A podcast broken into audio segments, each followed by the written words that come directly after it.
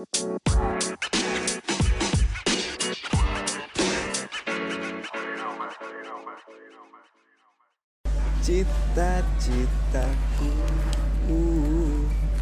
Bicara tentang cita-cita. ingin jadi profesor. Apa cita-citamu ketika kecil? Jadi gede. Iya serius bang. Tebak-tebakan ada nggak yang tentang cita-cita? Gak ada. Cita-cita apa yang bikin orang heboh? Pekerjaan. Cita-cita ta. Cuman itu doang bisa. Udah pernah. Bicara tentang cita-cita, kita interview Arif dulu ya. Cita-cita apa dari lo kecil? Lo waktu kecil cita- cita-citanya apa? Ini- Dari bener-bener lo kecil. Gue lucu tau kalau kayak gini. Gue dulu Gak punya cita-cita kasihan banget cuy. gue punya, cuman nggak berani gue ungkapkan. Apa? Jadi gue kalau dari kecil gue jadi pengen jadi pemain, memalukan deh. pengen jadi pemain bola. Ah ya itu oke lah. Cuman karena dulu tuh image-nya tuh itu bukan suatu cita-cita Arif kayak gitu. Jadi, Jadi gue nggak pernah nyebut itu, gue nyebutnya biasanya jadi polisi. kok lu Jadi gue setiap di sekolah kalau tanya Arif mau apa cita-citanya? Jadi polisi. Itu gue samain sama teman-teman gue. nyontek? iya, ya kan Cita-cita aja random nyontek. karena kan pasti orang Oke. nanya cita-cita biasanya basa-basi doang. Tapi da- dari dalam hati lo, lo sebenarnya pengen jadi pemain bola. Sampai, sampai sekarang kan Cuman yang bilang itu se- sebagai bukan cita-cita tuh siapa? semuanya orang tua guru semua itu bilang Dia gitu. selalu bilang kayak itu bukan cita-cita bukan Arif. cita-cita serius makanya gue nggak pernah jawab itu ketika waktu kecil tuh kalau cita-cita dianggap sebagai pertanyaan yang serius itu gue nggak pernah gue jawab maksudnya gitu tapi gue selalu bilang gitu makanya nyokap gue juga bilang ya hari main bola silakan main bola tapi sekolah jangan ditinggalkan makanya gue bilang gue tanya bilang sama teman-teman gue gue sebelah kalau gue jadi kalau gue goblok ini jadi main bola gue sekarang Dan lebih banyak duit sih feeling gue. Bener nggak? tapi gue juga mungkin dari pemain bola bukan bukan pemain bola yang jago Oh. tapi gue juga Tapi lo selalu kamu Untung jago ak- sih. akademik gue juga sebenarnya bagus-bagus aja makanya ya akhirnya gue ngajak main bola gitu. Cuman menurut lo kalau lo udah dewasa, lo akan bisa lebih pakai logika dong. Itu sebenarnya bisa dijadikan cita-cita atau tidak? Nah sekarang kan kalau lo anggap gue dewasa itu sekarang Gue sekarang masih pengen jadi pemain bola Serius, Berarti- walaupun gue sekarang jadi berarti- keluarga yang swasta Berarti secara logika, menurut lo itu wajar dong dijadikan Wajar, cita-cita. Jadi ketika nanti lo punya anak dan anak lo bilang, kamu cita-citanya apa? Dan dijawab jadi pemain bola, and lo bakal dukung, support apa nggak? Support, dukung, support Serius Karena waktu kecil lo nggak dapet support itu. Iya Gue kalau gue posisi gue sekarang Jika gue punya satu permintaan yang bisa dikabulkan Gue pengen banget diberikan kesempatan 15 menit aja Bela timnas Indonesia Untuk bermain bola Oh, gue merinding. itu gue pengen banget megang Merinding. menjadi posisi itu karena Tapi gue merasa eh gue gue nggak merasa kalau gue bilang gue bilang gue jago terus gue sombong tapi gue merasa emang Gue pernah nonton lo futsal kan? gue bisa ya Gue pernah nonton lo futsal dan gue amazed sih kayak ada beberapa teknik yang nggak ada yang orang pakai itu dan Nah. lo pakai itu. Dan Iya. lo pakai itu dengan secara santai kayak lo nggak niat show off cuman emang itu cara lo bermain Nah. gitu. Dan gue suka ya gue pengen Cara- apa pengen jadi bukan bukan soal duit tapi soal fun aja rasanya. Emang lo enjoy melakukan- untuk melakukan hal Makanya itu? kalau bilang dream come true ya dream gue tuh main bola tapi sampai sekarang belum pernah datang. Nah ini true story aja. Mungkin lo juga belum tahu. Tadi gue barusan ke datang ke sini? Itu ketemu temen kecil gue Hah? teman SSB teman sekolah sepak bola Heeh. jadi gue tadi papasan persis dari parkiran mo- motor ke sini Heeh. pas gue udah lewat sama dia pas dia manggil Arif lu siapa lu Arif kan Ya. Oh, muka lo nggak berubah berarti dari kecil. iya itu pertama gue senengnya itu berarti gue udah dikenal tapi Iya, gue iya. gak kenal dia Terus lu inget gak waktu kecil eh, di SSB Tunas Sasri gitu inget gue temennya Adam. Adam gue inget karena jago. Adam ya Adam selain jago dia dia sama gue sampai sampai SMA sama gue Oke. siapa lu sorry gue nggak inget gue Diki ya Awkward moment. oh iya ya udah gue gitu abis itu ya udah ngapain lo ya cabut itu kurang gue inget tapi itu teman mahasiswa gue Berarti dia ingat lo jago dong. Ya itu gue nggak mau nyepelin inget cuman selain gue ketemu dia gue pernah beberapa tahun yang lalu waktu gue kuliah gue juga ketemu teman masa kecil gue main bola pasti. Dia nanya gini oh Rif, sekarang lo main di klub mana? Enggak gue gak main bola. Jadi emang kayak gue setiap ketemu teman masa kecil gue di pikiran mereka tuh ya Arif bakal jadi main bola karena emang mungkin permainan gue berkesan buat mereka waktu gue kecil gitu. Teman-teman gue kurang lebih seperti itu makanya ya gue merasa gue untuk sekedar gue bisa kalau dibilang gue bisa main bola sih gue bisa. Karena gue pengen tinggal gue menuangkannya aja coba berarti cita-cita gue tadi. Tapi kalau misalnya kayak lo dikasih kesempatan nih sekarang gitu Hmm. lo mau untuk gelutin sepak bola lo apa lo akan kayak udah kerja kantoran gitu? Gue pengen serius. Bener-bener masih pengen masih banget. pengen. Gue karena kalau ada kesempatan gue kan suka Persija ya. Terus tiba-tiba mereka ngerekrut gue entah sebagai officernya atau sebagai apalah Atau kalau diajak latihan bareng deh, latihan gitu. bareng tuh bakal seneng banget gue gue cuma butuh gue nggak gue rela nggak dibayar. Cuma asal dikasih 15 menit tadi gue cuma butuh 15 menit untuk walaupun cuma sparring. Yes. Latihan aja deh gitu nggak Iya. apa-apa. Bahagia gue itu sampai sekarang itu. Gue mulai sadar ketika itu udah nggak mungkin tuh waktu SMA kenapa? Ya dari situ gue mulai sadar berarti secara sepak bola gue sebenarnya nggak apa namanya nggak spesial spesial banget. Pasti banyak yang lebih hebat. Mungkin nggak sih dan lo nggak lebih spesial fokus. karena Ya, nggak dilatih aja? Iya benar. Gue juga merasa oh gue udah capek lo enggak ya deh, karena lo latihan gue enggak gitu aja. Kan gue sekolah lo latihan. Terus lo juga lebih banyak uang waktu lo temen lebih banyak waktu lo ke main. Sedangkan gue banyak belajar juga akademik gue masih terjaga. Gue cuma nyimpulin gitu tapi makanya ya udah emang gue harus realistis. Nggak mungkin gue jadi seperti itu gitu. Tapi itu menjadi sebuah penyesalan nggak? Kalau misalnya lo bisa balik ke dulu lo bakal ngotot tetap jadi pemain sepak bola apa lo akan ngikutin kata orang tua? Gue juga kalau gue harus ngulang waktu dan gue jadi main bola gue juga enggak gitu. oke. Karena bagi gue gue masih pegang bener kata nyokap gue masih gue masih ngutamain pendidikan. Masih ngutamain pendidikan. Makanya gue pengen ngebeli cita-cita gue tuh ya di momen sekarang ini di saat ya gue udah kerja gue udah selesai kuliah. Gue cuma butuh 15 menit aja sekarang.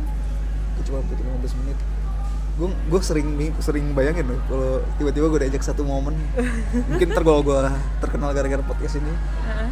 gue bisa dapat satu forum diberi kesempatan untuk tampil wah seneng banget itu gue seneng banget. Tapi ya Arif ini tuh secinta itu sama sepak sepak bola. Semoga iya. Ntar nyambung deh sama obrolan gue selanjutnya nah gue balik pas gue udah sadar gue bisa main sepak bola pas kuliah tuh gue bayangan gue ya gue pasti bakal kerja officer kan normal staff bayangan gue tuh sudah sempat jadi PNS ketika itu karena orang tua gue PNS walaupun PNS kecil tapi ya gue pengen rasa kerjaan mereka enak tiap pagi pulang sore gaji insya Allah cukup untuk hidupin anak-anak dan Terus anaknya pas- jadi semua gitu kan Iya. Ya terus anaknya emang nyokap gue tuh cita-cita cita-cita nyokap gue tuh, tuh anak-anak tuh dikasih S1 semua. Jadi nyokap gue nyokap gue rela lakukan apa pun yang penting anak-anaknya S1. Nah, semua tercapai semua. Nah, semenjak gue kuliah, gue kenal mantan gue dulu, dia ngasih pandangan beda tuh buat gue.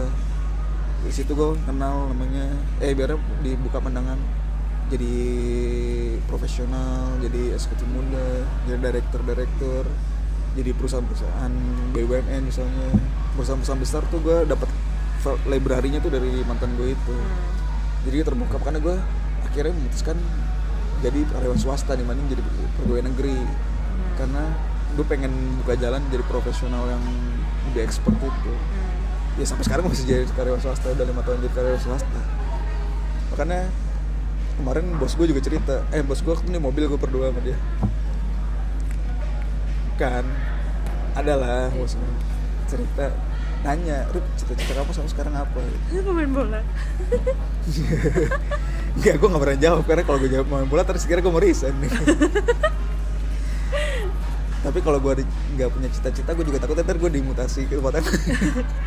anak-anak nggak punya masa depan nih pindahin ke Papua gitu Tapi gue jawab saat ini saya lagi nggak mikirin apa-apa soal pribadi saya, pak. Saya cuma lagi pengen deket sama orang tua karena beberapa tahun lagi, beberapa tahun belakangan lagi bermasalah sama mereka. Sekarang lagi beramai dan orang tua saya sudah tua, jadi yang saya pikirin cuma berada di rumah buat mereka, ada buat mereka. Ya, insya Allah ya selalu ada buat mereka itu aja. Jadi sekarang gue manusia tanpa tujuan. 2020 gue akan gue isi dengan tujuan. cerita-cerita di podcast ini. Bakal gue habisin waktu untuk coba buat coba bikin konten. Sekarang gue coba main bola lagi sama teman-teman baru. Udah yang penting fun lah. Gue pernah baca di twitter gitu cita-cita masih kecil pilihannya polisi dokter Biar pemain bola. pilot suster gitu lah sekarang rebahan aja yang penting kaya. Bener juga sih. lu gila konten kreator. Cuma bikin konten hai hai hai Iya, hai. miliaran. miliaran Gokil sih dan itu dianggap sesuatu yang positif sama ya Masyarakat ya? sama masyarakat. Gamer lu main game aja ntar duit gue jadi bingung sebenarnya kenapa positif atau enggak tuh dari duit? Padahal kan nggak gitu juga. Banyak hal positif atau enggak mulai dari lo sosialisasi atau enggak bermanfaat atau enggak. Cuma sekedar ngasilin duit doang ya kerja juga ngasilin gitu. Gitu sih. Jadi ya gue masih tanpa cita-cita. Jangan gitu dong. oh ya udah. Mungkin di tahun ya balik lagi kayak resolusi 2020 lo, di tahun ini tujuan lo apa? Mungkin kalau misalnya cita-cita terlalu jauh kali ya. ya Bener-bener kayak kalau gue pernah baca kayak kalau misalnya emang kayak lo punya tujuan yang terlalu jauh ya lo bikin target sependek dulu yang pendek dulu. Nanti pas lo udah achieve bikin target lagi bikin target lagi. Nah target lo sekarang yang terdekat ini apa? Ini berada di sini bikin konten. Jadi gue cuma on. berusaha meluangkan beberapa, beberapa jam dalam hidup gue untuk bikin konten aja.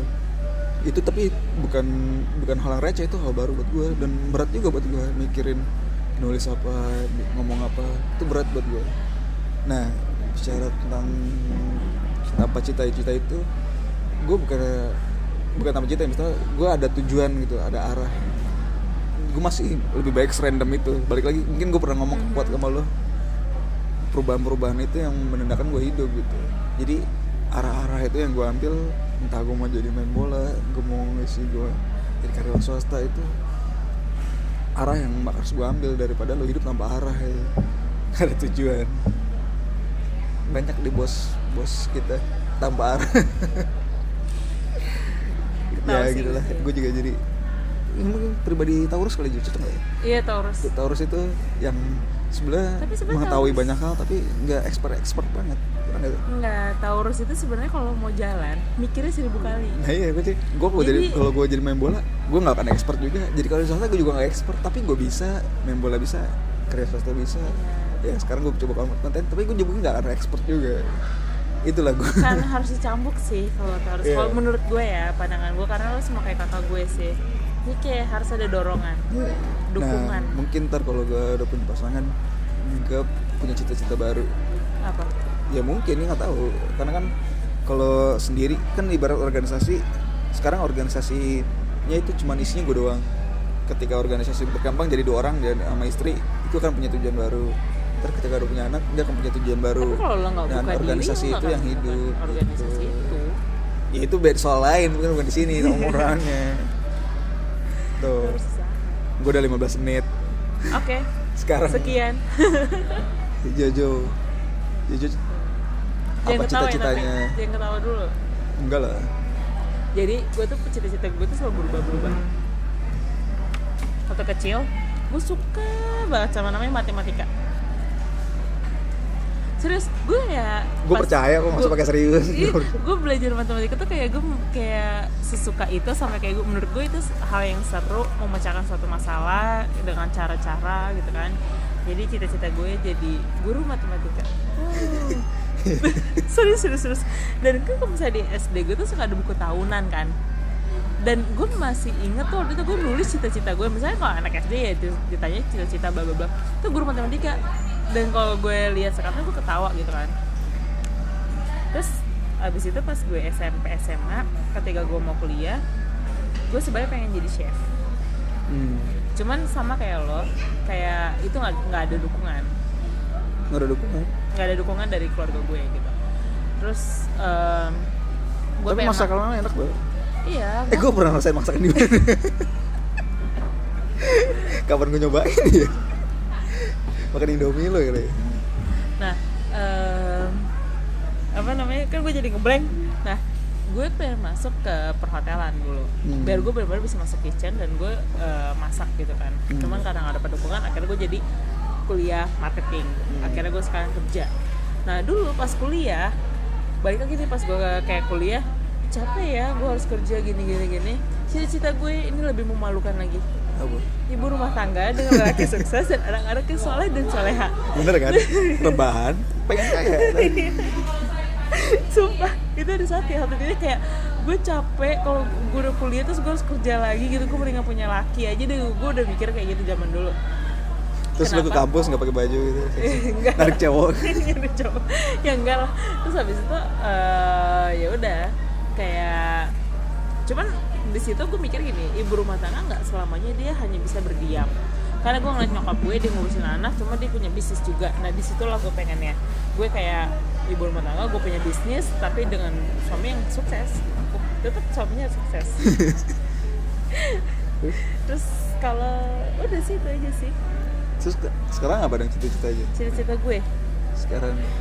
Sekarang cita-cita gue gue mau jadi profesional di bidang gue. Gue pengen ya mungkin karena gue baru setahun juga kerja ya gue pengen kayak bikin something lah buat perusahaan gue biar gue dikenang at least gue dikenang. Gitu. Kayak oh ini buatan Joanna loh ini hasilnya Joanna loh. Gue pengen kayak gitu. Hmm. untuk nice. target paling dekat ya. Kalau paling jauhnya gue pengen nyari suami yang punya sejalan sama gue dan gue punya bisnis ke depannya Hmm, nice.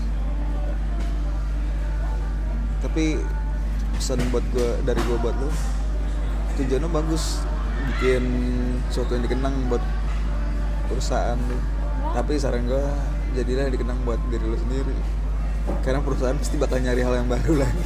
iya sih Lo sakit mati ya udah tinggal. Iya, karena menurut gue, Benar. karena gini, ketika gue bikin sesuatu buat perusahaan dan orang itu eh, orang mengingat gitu, itu akan menjadi terkenang juga buat gue sendiri kan. Maksudnya kayak gue pernah bikin ini loh gitu. Even perusahaan bakal ngelupain, orang bakal nggak tahu, cuman kayak itu ada sebuah kepuasan pribadi menurut gue, Hmm. self satisfaction gitu. Terus ya udah habis itu gue nyari suami bikin bisnis mungkin dalam waktu 15 tahun lagi gue akan pensiun dini gue Wow. ngurusin anak. Wow. bisnis gue udah bang udah stabil gitu. Terus itu cita-cita gue. Oke, kalau kita main jikalau. Jikalau aku menjadi. Jikalau. Kalau lo diberi kesempatan untuk milih menjadi seseorang menjadi public figure yang lo kenal. Public figure? Iya. Atau ya gue gak tahu siapa lah. Lo pengen berada di posisinya siapa? Kenapa? Sekarang? Iya yang gue? Waduh gue gak punya pandangan sih. Masa nggak punya?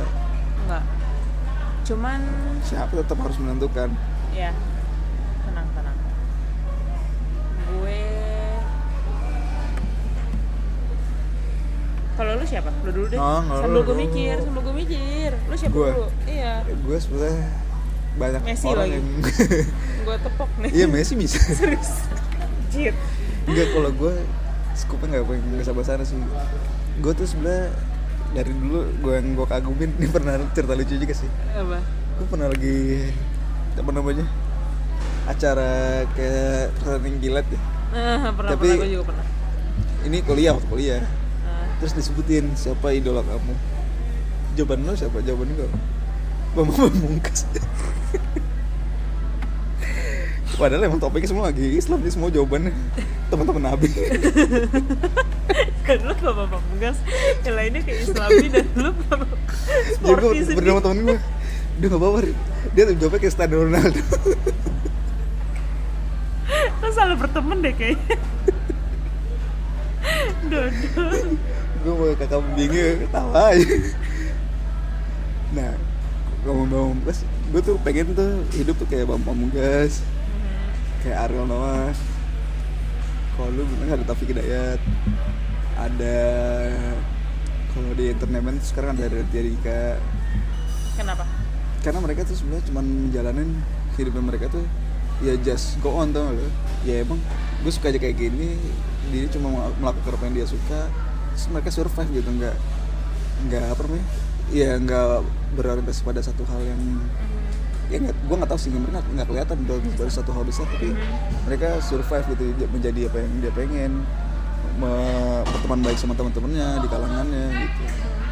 Kan kalau gue gue nggak tahu ya pasti gue kalau gue tebak tuh bang Pamungkas ya dia pasti berarti ya eh, berarti normal seperti pemain bola lainnya. Terus tapi dia dia bisa achievement karir yang baik di luar lapangan dong di dalam lapangan tuh baik. Begitu juga Ariel gitu kan Ariel apa namanya ya dia main musik kayak biasa makanya itu ada istilah dia bertalenta atau berlatih keras. Itu yang sebenarnya yang itu ada di jiwanya Messi itu. Kalau orang banyak kenal Messi kan ya sekedar main bola ya main bola aja udah. Mhm. tapi hidupnya berada di titik tertinggi. Gue pengen kayak gitu hidupnya. Jadi ya gue jalanin aja hidup gue santai mungkin. Tapi duit ngalir terus gitu. Kayaknya kayak gitu. Tapi jadi kalau gue tadi nggak rebahan doang kan? Nggak rebahan doang.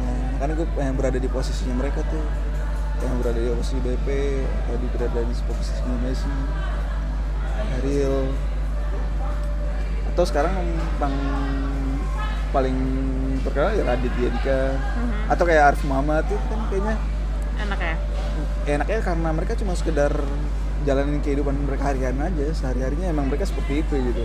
Walaupun mereka nyebut ini kerja ini kerja ini kerja tapi emang ya kerjanya daily aja gitu. Dan di satu sisi mereka tuh orang Berpikir. orang-orang pintar. Nah itu makanya gue merasa gue punya kemampuan untuk berpikir. Mhm. ya gue cuma cuma kenapa gue berbeda aja. Itu. Kalau gue pengen jadi seseorang tuh pengen seperti itu. Kalau gue kalau lo? gue mungkin pengen kayak jadi Najwa Shihab atau enggak Mary Riana. Kalau Naj- Najwa Shihab selain dia kayak pintar Hmm. badannya oke. Gue pengen kurus kan. Jadi gue pengen jadi gue juga kurus nggak begitu slim. iya nggak begitu slim cuman dia kayak motivator. Gue suka banget motivator. Gue maksudnya gue pengen banget memotivasi orang karena sometimes um, suka banyak apa kadang-kadang tuh orang tuh even dia bahagia cuman di balik itu sebenarnya dia kayak ada kesedihan apalah gitu kan dan sebenarnya ada masalah. Dan gue tuh pengen banget kayak sebenarnya karena gue butuh sih gue butuh seorang motivator jadi karena hal itu gue pengen jadi motivator juga gitu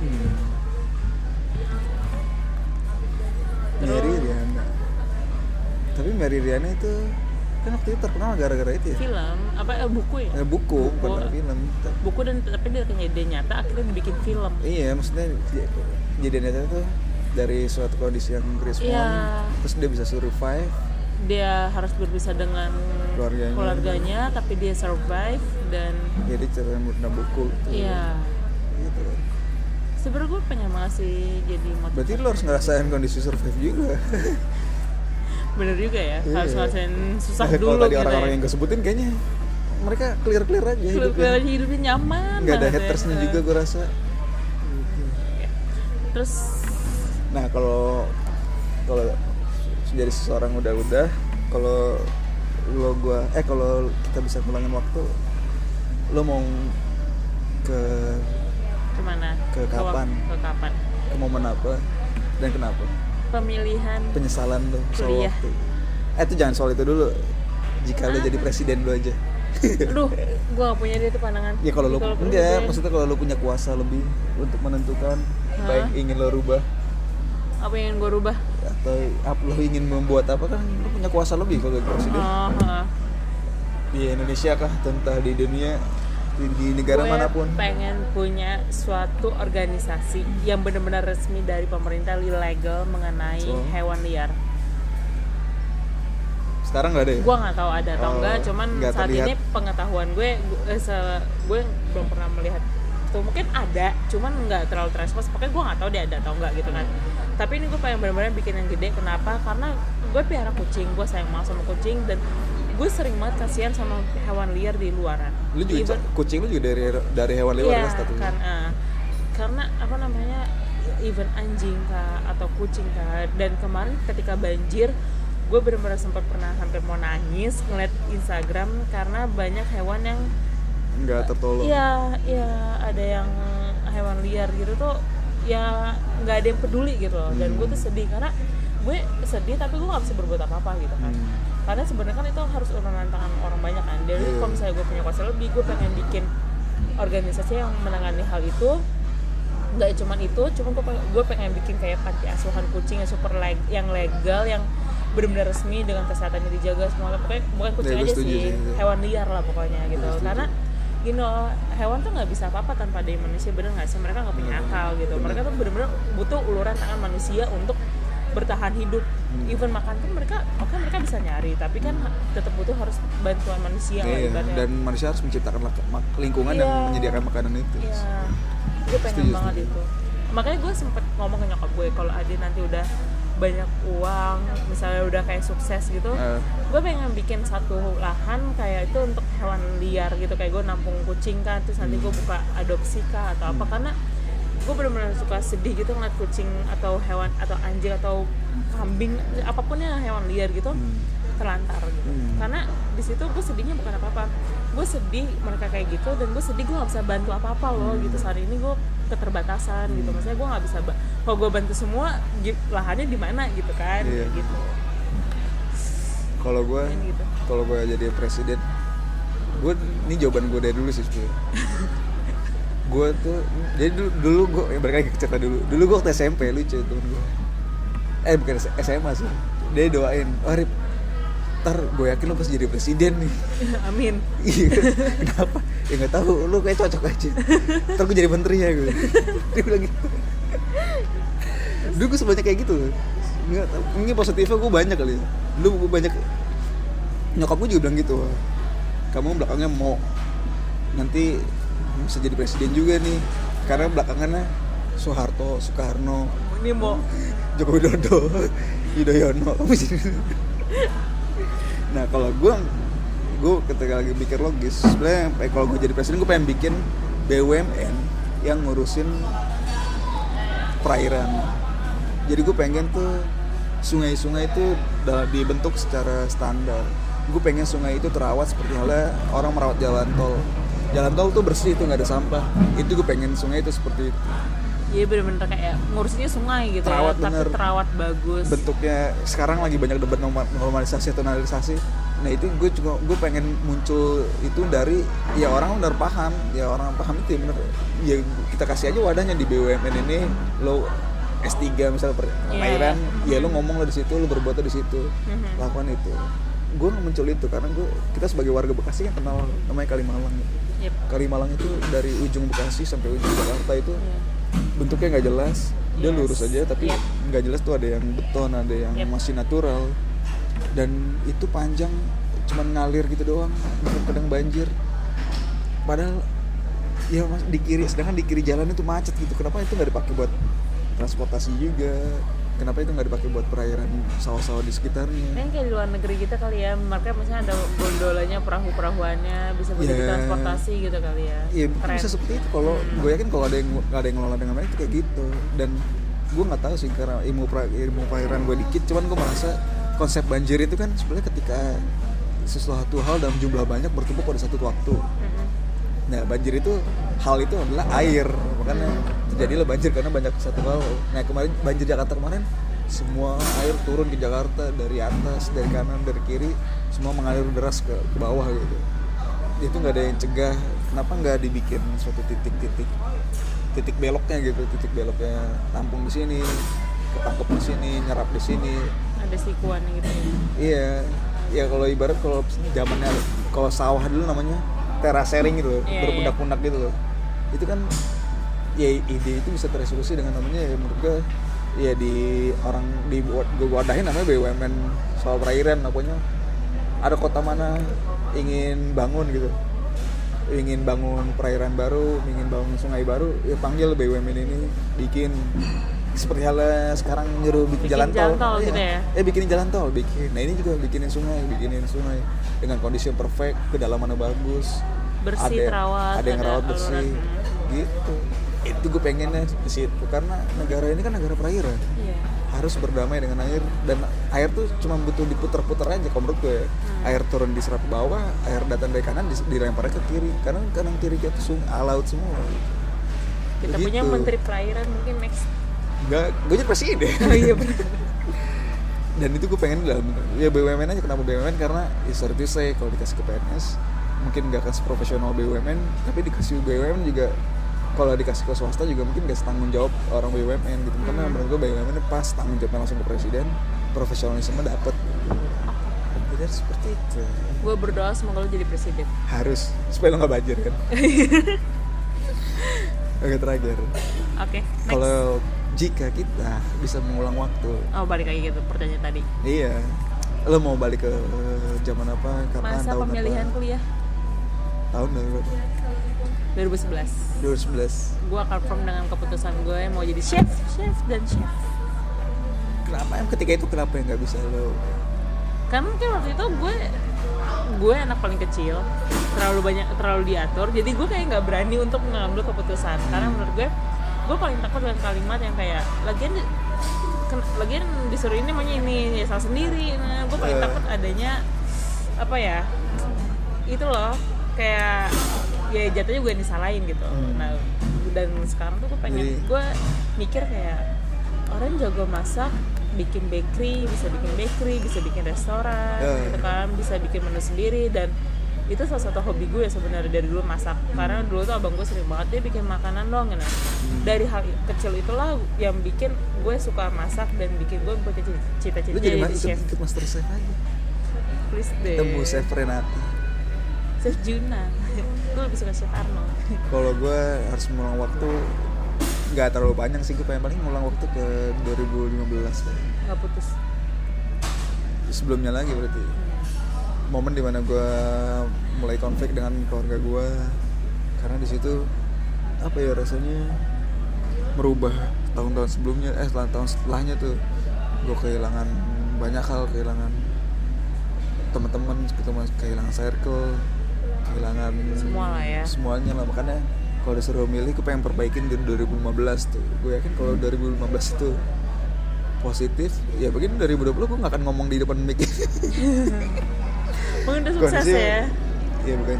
Ya at least gue jadi masih on track ap- apa yang gue cita-citain dulu gitu. eh gue apa yang gue bayangin dulu lah. Jadi menurut lo kayak bertengkar dengan keluarga tuh kayak pencetus Iya. semuanya ya. Kalau kata teman gue itu namanya sumber kehidupan orang tua. Ibu itu namanya sumber kehidupan. Ketika gue bertengkar sama itu artinya gue menjauhi sumber kehidupan dan gue merasa hancur banget sih setelah itu. Karena banyak yang gue sesali. Dan ketika lo udah berdamai sekarang apa yang lo rasakan? Sekarang udah berbeda. Makanya gue ntar pengen coba pengen ngomong. Ada momen gue pengen ada gue nulis voice note tentang perbedaan itu. Gue kondisi sekarang udah berbeda. Nyokap gue pasti memandang gue ada Arif yang lain gue juga nggak kenal sama adik-adik gue sekitar beberapa tahun tuh dari gue baru berdamai itu 2017an akhir. Itu gue nggak kena nggak ngerasain momen-momen adik gue beranjak dewasa menentukan dia menentukan pilihan mereka. Terus berdamai dengan bokap gue berbeda om, bokap gue sekarang mereka pandangan berbeda. Mereka udah nggak bisa nyuruh nyuruh nyuruh gue seperti dulu lagi gitu. Ada rasa keseganan terutama dengan abang gue juga kan gue udah nggak bisa deket lagi. Jadi gue semua udah berbeda di rumah. Tampak di mata tapi rasanya ada jarak aja. Lo menyesali hal itu apa menurut lo? Enggak eh, nggak perlu disesalin karena emang itu udah jalannya dan kalau nggak ada Gua saat rasa- itu nggak jadi lo yang sekarang kalaupun itu dianggap jalannya gue berada di jalan salah. Kalau itu gue anggap oh ini nggak perlu disasali ini ya ini lo diri gue sekarang. Gue nggak merasa bangga dengan diri gue sekarang. Karena gue nggak mau jadi posisi diri gue sekarang nah gue sekarang masih sekarang masih belum bisa berdamai dengan itu. Entah gak tahu kenapa. Mungkin gue perlu waktu lebih. Tapi gue akuin nyokap gue adalah orang orang apa namanya? Orang yang paling berdamai dengan semua karena dia udah melupakan semuanya. Dia selalu berusaha membangun hal positif dengan gue walaupun tetap pasti berbeda. Tapi lo berusaha untuk memperbaiki semuanya berbeda. Gue berusaha tapi butuh waktu lebih lebih dalam. Makanya tadi balik lagi gue nggak pengen posisi gue sekarang lagi nggak pengen keluar rumah lagi nggak pengen jauh-jauh dari mereka. Pengen lebih sering muncul di muka mereka karena dulu gue pasti inget waktu ketemu motivator dari kantor itu. Kalimatnya iya waktu di kantor waktu dengan datengin motivator di head office. Kalimatnya gini gue nggak tahu kalimatnya cuman poinnya di rumah tuh udah nggak ada orang yang merindukan lo wah itu bagi gue dalam banget. Ketika ketika gue lagi dengar motivator itu gue lagi dalam masalah itu gue ngerasain sendiri oh dalam banget sih itu. Makanya gue lagi berusaha jadi orang yang dirindukan di rumah. Lagi berusaha jadi orang yang dirindukan di kantor. Ya begitu gitu loh dirindukan di kantor suara anda Enggak sih. tidak pernah terdengar. Mohon Iya, maaf iya, gue lebih ya. utama rumah gue sih. ya mohon maaf nih anda pendiam sekali. Tidak seperti di sini anda Iya. banyak omong Ntar gimana bikin mau ngomong. dirindukan kalau Iya. anda nggak ada suaranya oke Oke, mungkin ntar kita kasih next next ada lagi nggak Udah itu aja, udah 35 menit. Oke. Ntar kita cerita yang lain deh.